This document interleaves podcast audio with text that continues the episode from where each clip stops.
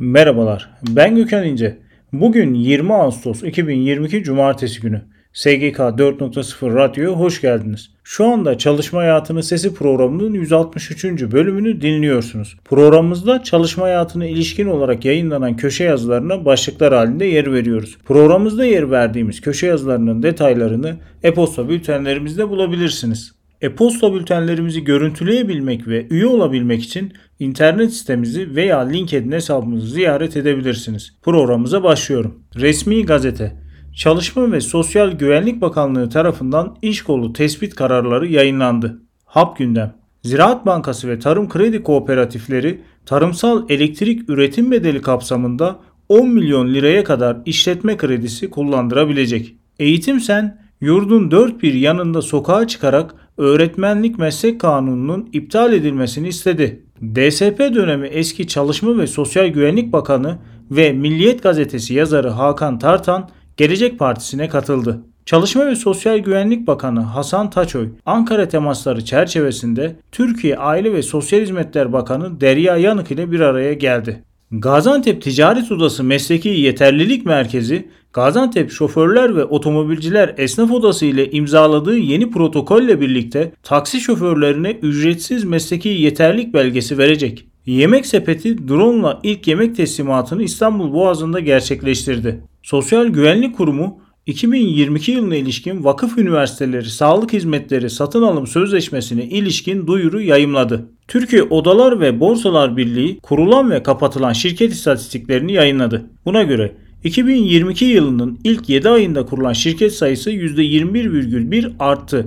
2022'nin ilk 7 ayında 2021'in ilk 7 ayına göre kurulan şirket sayısı %21,1, kurulan kooperatif sayısı %20,5 artarken kurulan gerçek kişi ticari işletme sayısı %10,1 azaldı.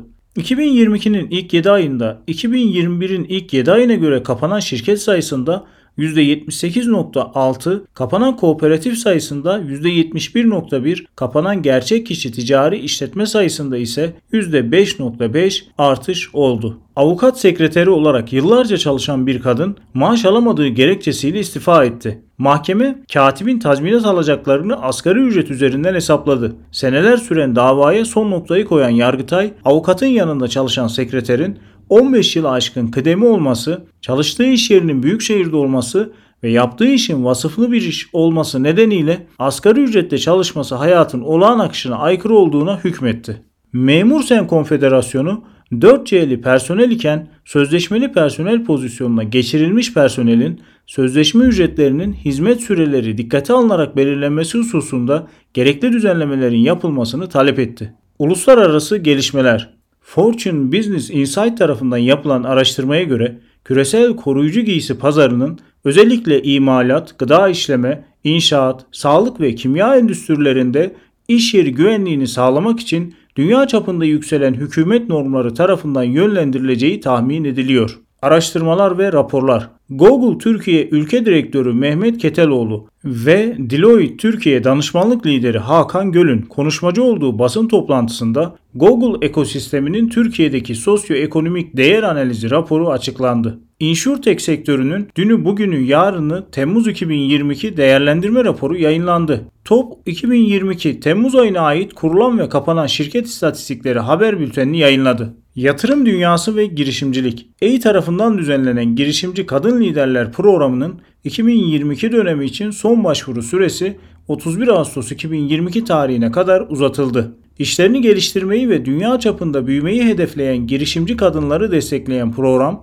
katılımcılarına eğitim, iş geliştirme, mentorluk ve networking alanlarında destek sunacak. İstihdam Sayıştay Başkanlığı tarafından büro personeli alımı yapılacak. Sempozyum, etkinlik ve eğitimler. Profesör Doktor Talat Canbolat, Türkiye'de hukuk ve hukuk eğitimi konulu etkinlikte merak edilen soruları cevaplandıracak. Ben Gökhan İnce. SGK 4.0 Radyo'da Çalışma Hayatının Sesi programının 163. bölümünü dinlediniz. Programımızda çalışma hayatında meydana gelen güncel gelişmelere özet halinde yer verdik. Programımızda yer verdiğimiz özet gelişmelerin detaylarını e-posta bültenlerimizde bulabilirsiniz. E-posta bültenlerimizi görüntüleyebilmek ve üye olabilmek için internet sitemizi veya LinkedIn hesabımızı ziyaret edebilirsiniz. LinkedIn, Facebook, Twitter ve Instagram üzerinden Paylaşımlarımızı beğenmeyi unutmayın. Bir sonraki yayında görüşmek üzere.